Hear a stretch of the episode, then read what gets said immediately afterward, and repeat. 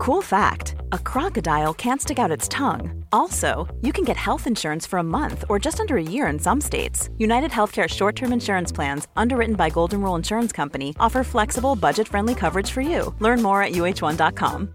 One size fits all seems like a good idea for clothes until you try them on. Same goes for healthcare. That's why United Healthcare offers flexible, budget friendly coverage for medical, vision, dental, and more. Learn more at uh1.com.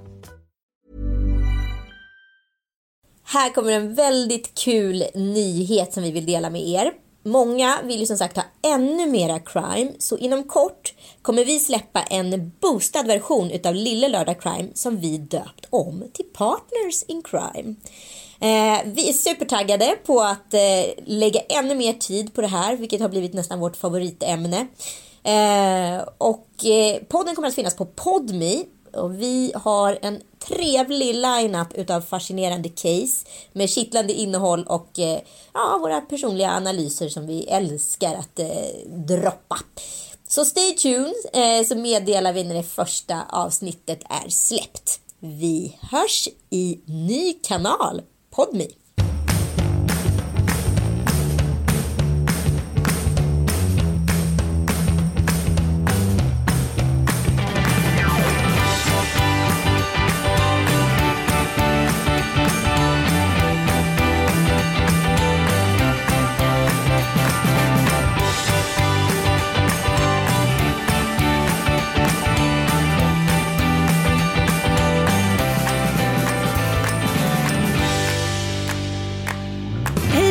Välkomna till Lille Lördag. Vad kul att ni är med oss. Det var lite deppig stämning förra veckan men nu är den som bortblåst. Man vet aldrig vad som händer. Nej, men vet du, jag känner att nästan att det blev liksom, det var så skönt att säga det. ja. För att det är ett lite, så här, ett litet tryck innanför bröstet. Vi har ju velat det här länge men vi liksom inte riktigt... Vi har lite separationsångest kan man Ja, säga. Och så- vi kommer ju fortsätta med lille, bli en mini-lille. Lille Lille Lördag. En liten lille lille lördag Mm. liksom egentligen hela vägen till februari ut. Eh, Så att eh, ni behöver inte vara oroliga. Det blir ett långsamt farväl. Men sen finns ju kvartssamtalet som vi självklart ska uppdatera efter er fantastiska feedback. Ja, tack för den. Ja, verkligen. Gud, jag älskar när att så här, vi har så engagerade lyssnare som ger oss så här, relevant kritik som är helt befogad. Mm. Vi hörde exakt samma sak. Man kan faktiskt säga att vi, till vårt försvar ska man säga att vi var övertaggade för det var så roligt att podda. Ja, och det var första inspelningen. Men eh, som sagt, vi har lyssnat på er kritik, konstruktiva kritik som alltid är den bästa. Att det gick för snabbt, vi är för stressade och eh, det är för kort. Så att eh, håll ögon och eh, öron öppna. Yes. Så kommer det en, en ny uppdaterad versione. Du, nu måste vi ändå prata lite om... Det har varit en riktig gubbaslems eh, vecka. Ja. Men alltså, läste du Leif GWs krönika om Horace? Nej, jag har inte gjort det. Men Leif GW älskar ju inte Horace, det vet vi sedan gammalt. Den var så hård. och det är väl egentligen ingen som älskar Horace, förlåt. Nej men, men eh, om man säger så här, det epitetet att kunna så här, vad ska jag säga, halshugga någon med silkesvantar så måste jag ändå säga att Leif GW är så här, han, han, han är långt fram. Han långt fram är ju en man med ett gott språk. Horace språk är ju inte lika mjölkrent som GVs utan det är lite mer filmjölksklumpar när man läser hans texter. Horace eh, ställde ju upp eh, för intervju i den eh, utmärkta SVT-dokumentären Det slutna sällskapet som många har sett och många har pratat om. Och Leif GW skriver ju då att Horace framstår som lätt efterbliven. Den är väl ändå ganska hård? Det måste man ju faktiskt Ja. säga men man sitter ju ändå i någon form utav jag satt i, en i ett chocktillstånd under hela den dokumentären. Sen blev den ju den ganska sågad utav vissa kritiker. Men ändå får man ju liksom antingen, du vet när man tror att man har kontroll. Men inte har kontroll. Jag har ju tänkt på det ganska mycket när man är hos Skavlan. Varför man kanske gillar Skavlan. Det är för att han är från ett annat land, han är från Norge. Så att så här, psykologiskt börjar du berätta om Sverige på ett sätt som du kanske inte skulle gjort med, med David Elenius. Du vill att man ska förstå. Du vill att man ska förstå. Men det man, inte, det man glömmer bort när man har Skavlan i rummet är att hela Sverige sitter och tittar och synar din bluff. Eh, så att så här, nej, du kan inte säga att du är världens bästa på någonting. För att det är du inte. För att vi alla andra sitter här som vittnen och vet det. Men du vill ju berätta det här för Skavlan eftersom han inte är svensk. Och jag fick lite samma intryck av Horace. Att han så här, ville berätta hur det funkade för den här journalisten. Eh, och tänkte så här, I'm outsmarting her. Men alla ser att han ljuger. Men det sorgliga tycker jag är att han har ju sagt några gånger att han kände att han, han lever, han blev ung igen för att han då var Sveriges mest hatade man. Men så är det ju inte. Utan det är ju bara i brist på att han förut var älskad kanske ändå. Mm. Och aktad och nu är så här hatad och bespottad. Ja men alltså det hade varit så fint att se honom kunna säga förlåt. Eh, för det verkar inte som att han har den kapaciteten. Jag förstår inte heller kodexen att skydda de här ganska hemska gubbslemmen. Både Mm. Arnaud och Stig Larsson som är en pedofil. Han har ju sagt att 16-åriga pojkars sperma har inte samma vad heter det, bismak som när man har kommit upp senare i puberteten. Likadant med, med ung fitta eh, från 14-åringar är mycket bättre än, än när de har gått igenom, eh, när de har fått in, kommit längre upp i puberteten. Eh, och han har ju också, Stig Larsson har ju också gjort, haft en hel del våldsamt sex och eh, sadomasochistiskt inslag. Han förstår inte hur de här tjejerna hela tiden vill bli skurna med rakblad och slagna i ansiktet. Han som är en sån snäll hyvens kille som inte han förstod ingenting att han har liksom utsatt tjejer för våldtäkt. Han har ju blivit inlurad i det. Ja. Men det underbara tycker jag är Och, och det var ju också intressant att han använde referensen till sina egna kompisar skulle väl inte ljuga. Och då är hans polare då Arnaud Ah. Horace Engdahl. Eh, så att det, den här lilla trivselklubben blir, blir ju liksom Skulle de konstigare och fabulera? konstigare. Nej, inte skulle väl de. Nej, nej, nej, nej. men, Vilka eh, ljuger de för? Nej, men jag tycker det där var så intressant för jag träffade en eh, gammal, gammal tjejkompis när vi spelade vår paddelturnering. Ja, Vi tog oss mot slutet men det var inte vårt eh, mest lyckade. Nej. Vi skulle ha övat lite innan. kanske lite grann. Men shit vad det var kul. Just det, och nu har jag ju fixat paddelkort för hela våren. Har du? Ja, Men jag förstod liksom inte alls att det var så annorlunda mot tennis. Det var Nej. liksom något helt annat. ja både och. Alltså, man har ju nytta av tennisen. Men det är ju ett helt annat typ av eh, en helt annan typ av teknik med slagen. Men skitsamma, det är inte Ah, intressant för men lyssnare. Hur som helst, då träffade jag en, en gammal eh, väninna man ska säga, som eh, berättade om, om sitt ex som jag också känner av olika anledningar. Och eh, just det där som händer när man har levt med någon i många år, man misstänker men liksom, ah, ja, man flyttar, man gör det, man får barn. Det, alltså det bara pågår och sen får man höra att det har varit liksom, man har blivit bedragen under så lång tid.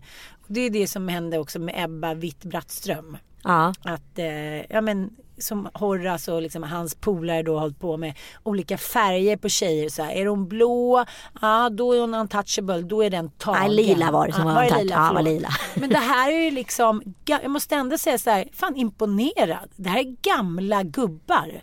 Som bara så här, fortsätter år efter år och vilja erövra, vilja ligga, vilja liksom förnedra. Så här, hur fan orkar de? Har de hört talas om pensionen? Har de hört talas om så här, gå på golfbanan och slå på en boll? Men Mysa också- med barnbarnen. Så här, gör liksom lite normala jävla gubbgrejer. Ursäkta. Testosteronnivåerna går ner brukar de rimligen göra. Här är det liksom som ett gäng som är helt felprogrammerade och dessutom blivit Men det är kompisar. den där maktgrejen.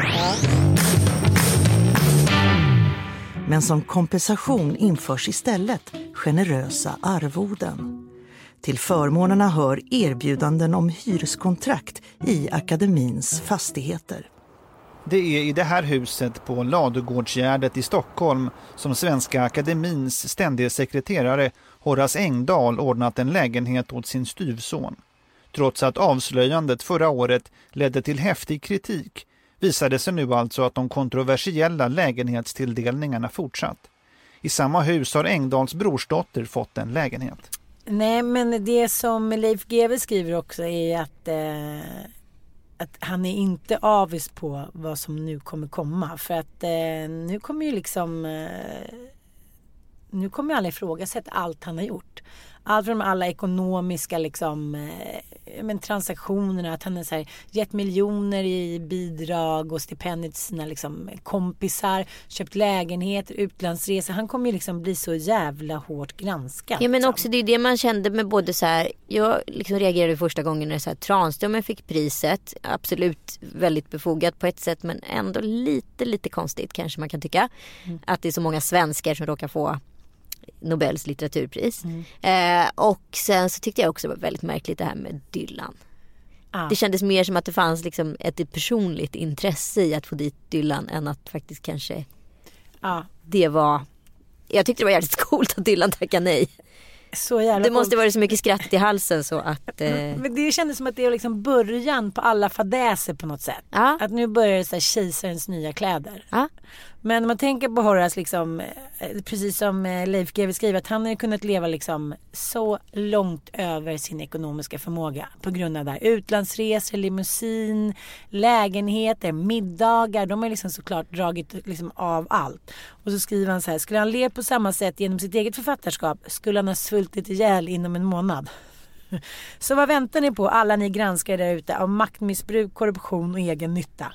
Två saker som jag tyckte var eh, väldigt liksom eh, lite udda i den här dokumentären. Dels eh, Ebba Witt-Brattström att hon ännu en gång ska sitta och vara förbittrad och liksom avslöja så här, fakta. De har ändå fyra barn ihop så kan hon inte och just den här bitterheten. Man bara, du fick världens finaste lägenhet i Gamla stan och ändå ska du sitta och klaga på att hyran gick upp lite. Man bara, ja. Ja, ja, Ebba Witt, vi lämnar det. Ja. ja. Jag tycker ändå det är väldigt roligt att deras son är med i en mjukporrfilm. Jag tänker att om man har två super eh, alltså intellektuella föräldrar och superakademiker. Vilken revo revolt kan en son då göra? Jo, vara med i en mjukporrulle med feministiskt budskap. Ja, var det med feministiskt ja. budskap? Han vill ändå inte kliva över gränsen. Nej, han vill inte kliva över gränsen. jag bara, vad heter den? Vill jag titta på? Nej men... Eh, Porrfilm med feministiskt budskap. Ja, men det ska bli spännande. Nej, men det, det, Nej, men det som var så hemskt tyckte jag också var i slutet på dokumentären när Horace liksom så markerar närvaro genom att säga så här. Ja, jag sitter ju här på livstid. Liksom. Ah, så att, så, så, här, ni, ni kan göra vad fan ni vill. Fattar ni? Det är klart att det inte vill komma in en ny kvinna och bli liksom ständig sekreterare. Vem vill sitta med och bitcha med den där jävla Horace? Mm. En kvinna kvar typ från ursprungs... Ja, och Frostenson vill ju inte avgå men hon är ju liksom ute i frysboxen ändå. Men den är också så konstig. Hon Nej men liksom... vadå, du kan inte avsätta en ledamot. Men jag tänker så att det är den ädlaste formen av medberoende. Att man också går upp och vittnar för sitt as till man som man levt med i 30 år. Som har våldtagit liksom, ja, så många kvinnor och förnedrat så många kvinnor. Och ändå står hon där liksom, med sitt blonda ängelhår och bara liksom ska säga vilken hyvens prick hennes man är. Glasartad blick och sen så också när han har varit i Paris precis med någon ny liten ung förmåga. Ja, ja det pratar de också om i dokumentären hur nervös den unga tjejen verkade. La dernière fois, euh, je l'avais vu, il m'a donné le bonjour. La fille était toujours un peu timide, un peu... Uh, she said uh, the last time she saw him, uh, he said hello like a very nice person, but the girl was very shy and nervous and don't say anything. Alltså det här är ju liksom sadister, det här är ju liksom våldtäktsmän av liksom största klass. Ja och liksom också den klassiska skuldbeläggningen utav flickan. Ja det var ju mm. ditt ansvar som följde med mig. Hur ska det låta för dina kompisar? Mm, mm. Alltså tror du någon som kommer tro på dig? Nej mm. förmodligen inte. Ja, vi var på middag lördag så jag blev så till med över det här så att nu börjar jag ju anklaga Mattias. Jaha. Okej okay, okay. Det var så när jag lyssnade på någon P3 dokumentär och frågade om Joel hade varit psykopat. Vadå? Frågade du Joel om han var Vi satt och lyssnade på någon P3 dokumentär om någon. Så var jag så här. Ja, vad har du för kvinnosyn? Han bara, okej, okay, håller du på att psykopatanklaga mig? Jag bara, nej. Det var exakt det jag gjorde. När, när går du upp på morgonen och vad äter du? har du haft sådana mörka tankar någon gång? aldrig, aldrig. aldrig, aldrig. Superljus hela tiden. Nej, men alla människor har väl liksom mer eller mindre psykopatdrag. Men jag kommer ihåg en killkompis till mig. Vi började på gymnasiet så kunde jag säga han var helt underbar och han är fortfarande det. Men det var så konstiga grejer han gjorde. Han kunde liksom plocka upp så döda fåglar på gatan och så, så dra isär deras vingar. Det var det äckligaste jag hört. Ja, det måste väl vara ett psykopat? Eh, ja. Mm, mm. Men... Eh, Hur fan kom vi in på det här? Nej, Tillbaka till Horace.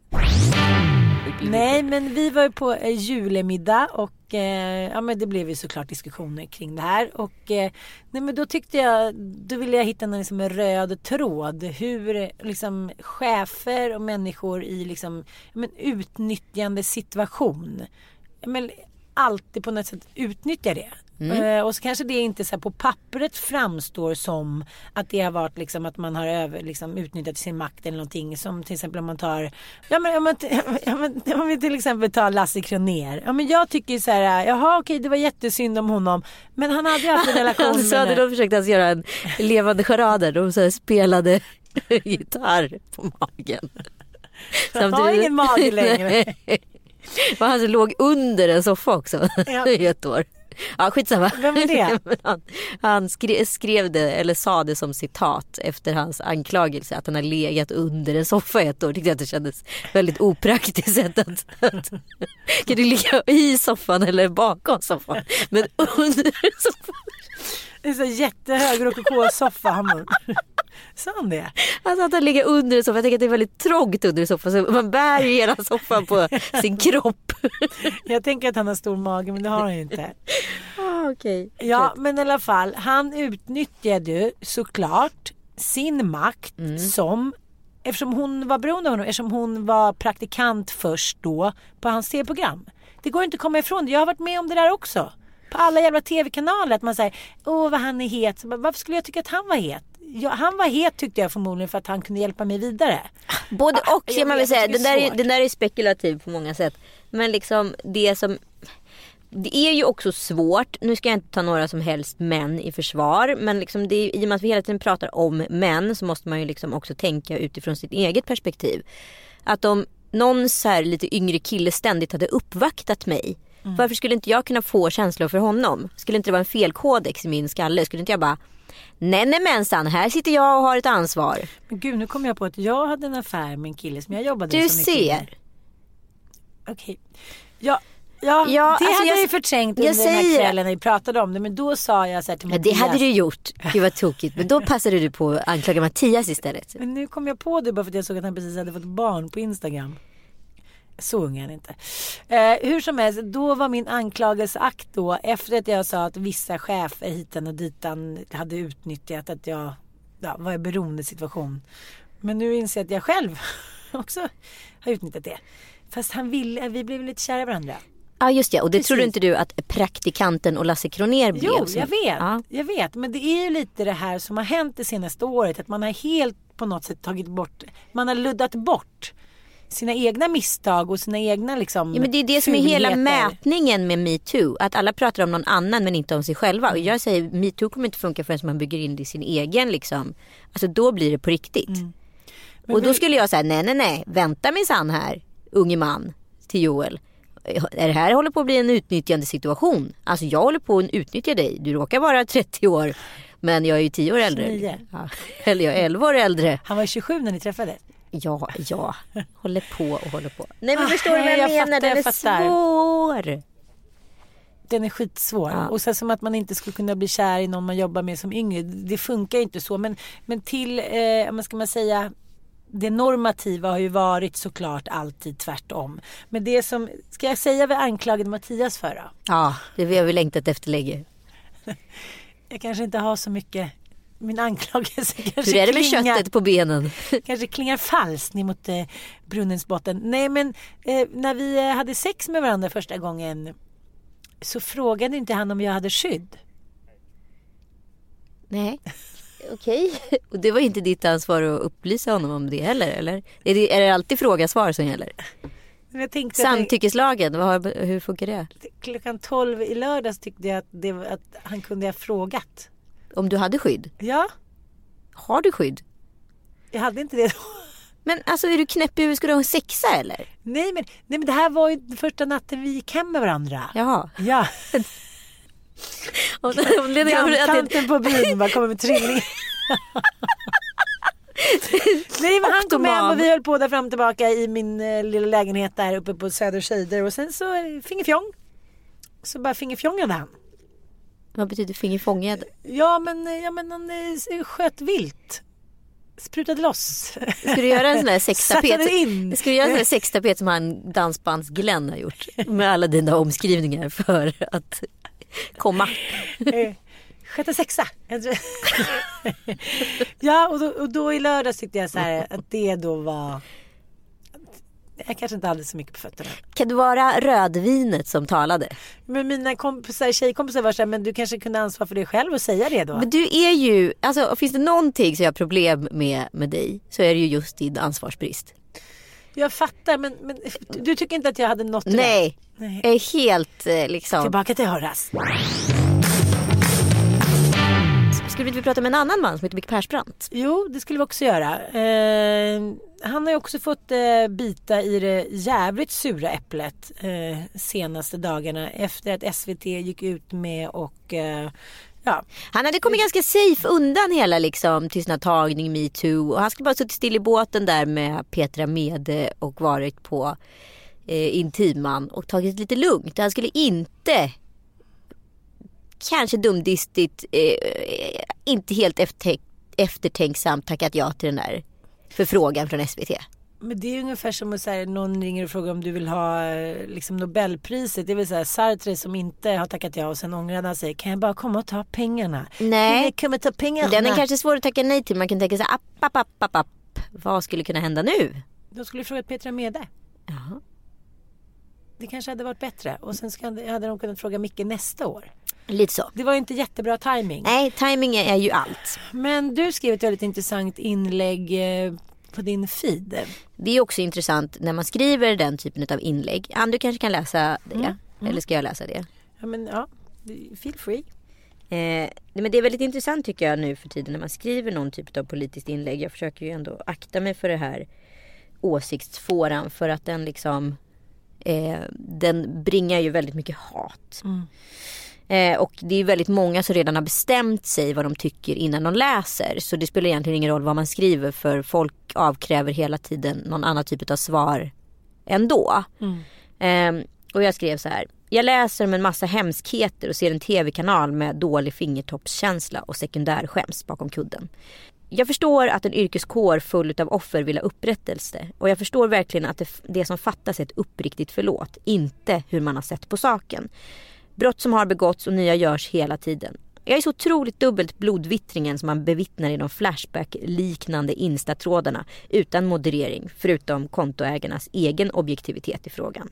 Massor med människor som inte är offer inte ens från samma yrkeskår, men sådana som kanske för offers talan och lider för att egna gamla sår spricker upp. Men jag ser också andra i skuggan bakom någon som inte skriker högst. Barn och anhöriga som inte skyddas av någon när dreven går. Som ska gå till jobb och skola på måndagen och mötas av blickar eller viskande ord. Vilka klockor ringer för dem? I England finns något som heter Ofcom inom televisionen och det går ut på att skydda barnen mot sånt som omyndiga inte ska behöva utsättas för. Men vem skyddar barnen i Sveriges alltid medier? Jag ser gärna ett regelverk kring sånt här snart. Vem som än må ha rätt. Peace. Mm. Ja, det här har ju fått eh, 63 kommentarer. Mm. Uh, men det som jag vill förtydliga med det här inlägget är att det, är väl inte så att du har något emot att de förövare ska straffas om det finns bevis? Nej, och det är Nej. det folk vill tolka in. Det är mm, absolut mm. inte. Jag tycker så här att jag tror att de här grejerna är så jävla bra. Att det mm. lyfts på lock, det går topplock, det spricker upp, det händer grejer. Men om jag ska tala utifrån ett demokratiskt perspektiv. Så det som sker i de här trådarna som inte modereras för någon annan än kontoägaren det är att det både liksom är fake news, det är news, det är rent skvaller, det är personliga reflektioner och allting rör sig upp till en enda gryta och allt blir någon form av sanning, halvsanning. Eh, och det här är ganska farligt för det är därför vi har liksom en journalistkår i Sverige som måste liksom ha källförteckningar och vittnen och det granskas. Alltså det ska, det ska finnas liksom säkerhet för vad som publiceras. I de här forumen finns ju inte det. Till och med om du ska gå in på Flashback så måste du gå in på och godkänna communityregler. Om du är med i Facebook så måste du också godkänna de communityreglerna och eh, ofta så sker sådana här eh, former utav vad ska jag kalla det för, drev eller uppror under en tagg eller en sluten grupp som har medlemmar. Men på Instagram så liksom får du det här direkt i morgonkaffet. Och även om du vill eller inte, förstår du? För att det mm. finns ingen det finns inget skydd på Instagram. Mm. Om du inte är en extremt ansvarig kontoägare som då liksom är jävligt duktig på att hårdmoderera. Men det är svårt i vissa fall som det finns över 6000 kommentarer i vissa trådar. Cissi Wallin skriver då, tänkte du på hans familj, hans barn? För det var ju det som Uppdrag granskning, reporten frågade mig med iskyla i blick.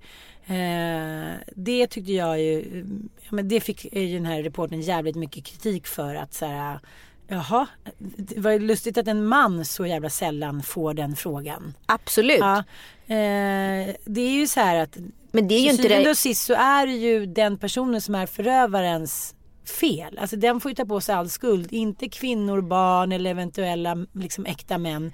Det är ju faktiskt förövarens fel och den får ensam stå med skulden även om allting liksom runt omkring är jävligt sorgligt. Kan, och, och det blir ju väldigt svårt när du säger så här, när det inte finns något skyddsnät på till exempel Instagram. Då dras ju liksom kvinnor och barn och familj med vare sig de vill eller inte. Så är det ju och det får man, då får man åka med på den här tågvagnen för det är den nya tiden. Men det jag inte förstår och det här har ingenting med att Cissi inte får uttrycka vad fan hon vill. Det är klart hon får göra det under ordnade former som inte är hetskt och mot demokratiska rättigheter. Ehm, jo men det är ju att man måste väga in att så här den här modereringen som sker är jävligt godtycklig utifrån att den kommer alltid ske i kontoägarens egen favör. Eh, och då blir det ju inte en objektiv eh, liksom, moderering eller granskning. Så att då bryter man ju indirekt själv mot sina egna communityregler. Och det här handlar ju inte om att Cissi inte får tycka vad hon vill eller känna och uppleva allt. För jag säger det igen, Instagram är ett känslomedie. Men, men liksom, det är här förnuft och känsla blir ett problem. Men det är någon som påpekar också så här, varför måste barn vara på Instagram då? Nej men barn behöver inte vara på Instagram. Men jag har en läskunnig dotter som så kan googla på sitt eget namn. Och kommer då en träff på hennes namn så kommer ju också Instagram-kommentarer om henne upp. Eller vem man nu googlar på. Så att så här, det är inte så att barn är på Instagram men de kan ha full möjlighet och kapacitet att ta del av de trådarna. Och just i Mickes fall så har ju han högst läskunniga barn som båda själva har konton.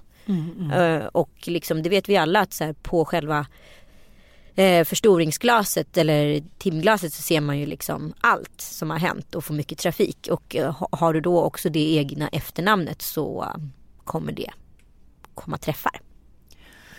Ja, men vad är din lösning på problemet då? Nej men jag tycker liksom så här, alla får tycka precis vad de vill men jag tycker att communityreglerna måste skärpas. För att det här börjar bli ett hot mot demokratin. Det kan inte vara så att tre personer skriker högst och får alla andra tystas på grund av utmattning. Eller så här, då, för då blir deras liksom egen sanning deras egen lag. Och då sätter man sig lite ovanför demokratin kan jag tycka. Och det här är farligt, inte bara för samhället utan för de tre också. För någon dag vänder vinden och då vet man inte vad som händer. Folk måste liksom lite så här vakta rygg skulle jag säga. Men samtidigt så är det säkert många som tycker att det är liksom en befrielse att så här, att man får säga det som man själv alltid har gått och tänkt på. Ja, men jag säger Det- inte att man inte får säga det. Jag bara säger så här, det måste kunna sägas med moderering. Det måste kunna ske under lagliga omständigheter. Om du nu går med i en grupp på Facebook då måste du hålla dig till communityns regler och så vidare. Men på Instagram i en tråd kan vad som helst skrivas och spridas.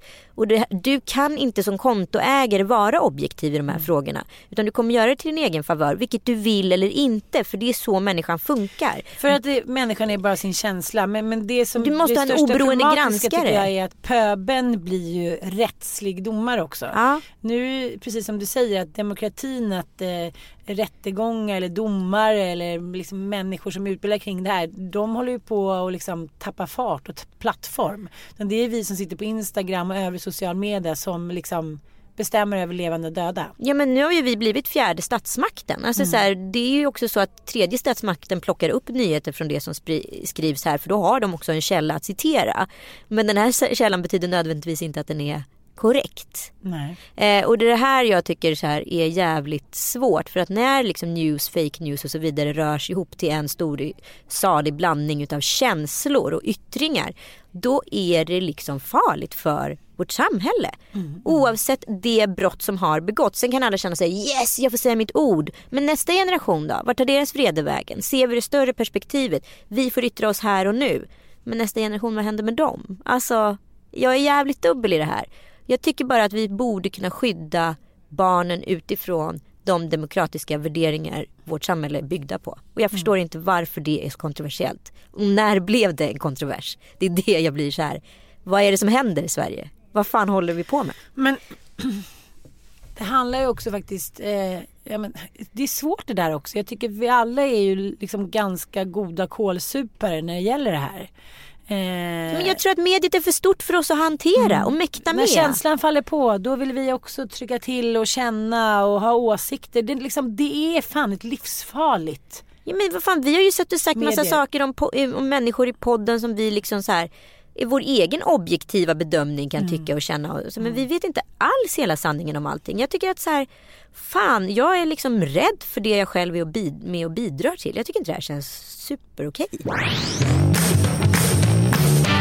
Ja men det som från början kanske var någonting så väldigt roligt och någon så här, en sån fantastisk möjlighet har ju faktiskt blivit just nu ett ganska okontrollerbart monster. Ja mm. och så är det ju ofta. Det är likadant med Facebook. Kolla på den här, gärna på den här dokumentären om Facebook som går på SVT. Eh, om hur, vilket faktiskt, det finns en anledning varför Mark Zuckerberg är uppe i kongressen. För att han är ett direkt hot mot demokratin. För det Facebook faktiskt har varit med är ju att eh, möjliggjort eh, folkmord i Laos kaos, eh, alltså statskupper, eh, fake news, eh, påverkat amerikanska presidentvalet och så vidare. Eh, så att det är ett fara för demokratin och vi är, lever i alla fall under en demokratisk norm. I sådana fall tycker jag att vi får rösta om vilket statsskick vi vill ha. Vill vi ha en diktatur? Är det det vi vill ha? Några som vill så här, får och kan yttra sig om allt och också agera domare utifrån egen, egen liksom preferens. Är det så vi vill att det här samhället ska se ut? Finns det ingen annan, annat alternativ? Ja, det kan ju vara en teknokrati. Mm. Eh, det vill säga att det är teknografer som styr. Eh, alltså vi, vi bara utgår ifrån att algoritmen bestämmer åt oss egentligen. I princip. Eller så kan vi vara en geniokrati. Där det bara får vara genier som får bestämma vad vi ska göra och inte göra. Alltså du måste ha en viss typ av IQ för att få vara med i riksdagen till och med. Mm. Mm. Ja men, alltså, ja, ja men absolut, det kanske finns massa bra fantastiska lösningar. Eller också så bara håller vi kvar den demokrati vi har och värnar lite mer om den. Lite så jag känner. Mm, mm. Ja, nej men det, vi återkommer ju till det här hela tiden och eh, vi är ju också känslor så att säga liksom. Ja. Jag menar det är svårt att inte vara känslor. Vi, liksom, eh, vi har ju Sanna, vi har ju liksom det är väldigt mycket känslor för mig. Jag är så här, man vill ju stå på någon man älskar sida. Förstår jag menar? Man vill ju att, det ska liksom, att alla ska få en andra chans och eh, kunna börja om. Samt, jag förstår alla sidor. Det är det Men det som gör jag med. Svårt. Det är skitsvårt. Det är mm. jag med. Och jag tycker så här. Oh, det finns ett innan och det finns ett efter metoo. Var drar man den där gränsen? Men samtidigt så är det så här.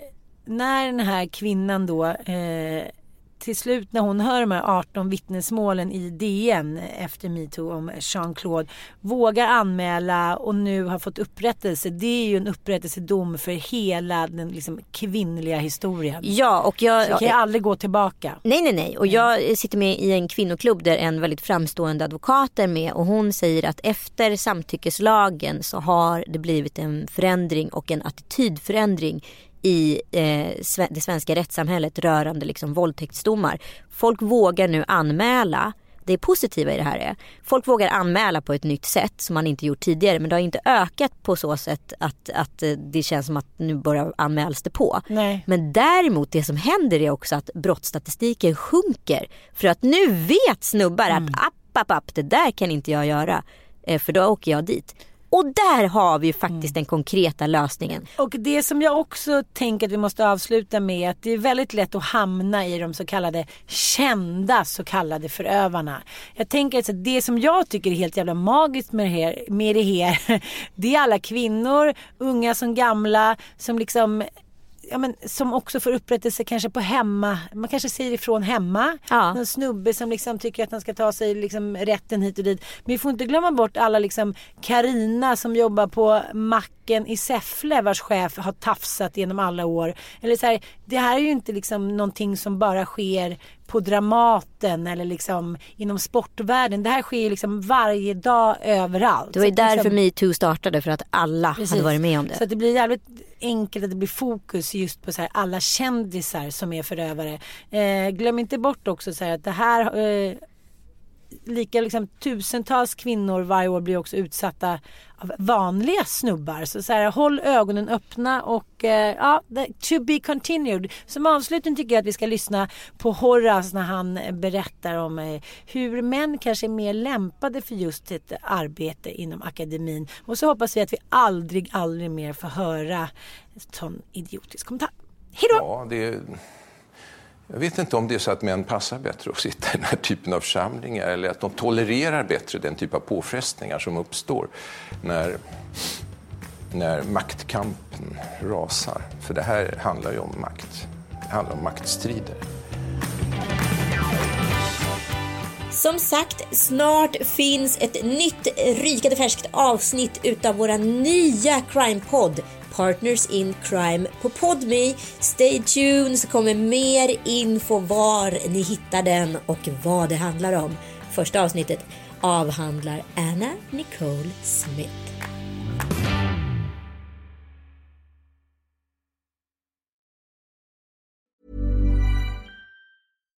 Hi, I'm Daniel, founder of Pretty Litter. Cats and cat owners deserve better than any old-fashioned litter. That's why I teamed up with scientists and veterinarians to create Pretty Litter. Its innovative crystal formula has superior odor control and weighs up to 80% less than clay litter. Pretty Litter even monitors health by changing colors to help detect early signs of potential illness. It's the world's smartest kitty litter. Go to prettylitter.com and use code ACAST for 20% off your first order and a free cat toy. Terms and conditions apply. See site for details. Even when we're on a budget, we still deserve nice things. Quince is a place to scoop up stunning high-end goods for 50 to 80% less than similar brands. They have buttery soft cashmere sweaters starting at $50, luxurious Italian leather bags, and so much more. Plus, Quince only works with factories that use safe, ethical, and responsible manufacturing. Get the high-end goods you'll love without the high price tag with Quince. Go to quince.com/style for free shipping and 365 day returns.